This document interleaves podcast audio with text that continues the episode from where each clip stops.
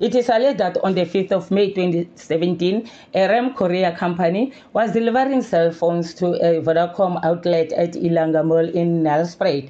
The courier vehicle was hijacked by armed suspects who took the driver and the crew to Matafini. The cargo or goods were removed from the courier vehicle and loaded into a Toyota Quantum minibus and suspect fled the scene.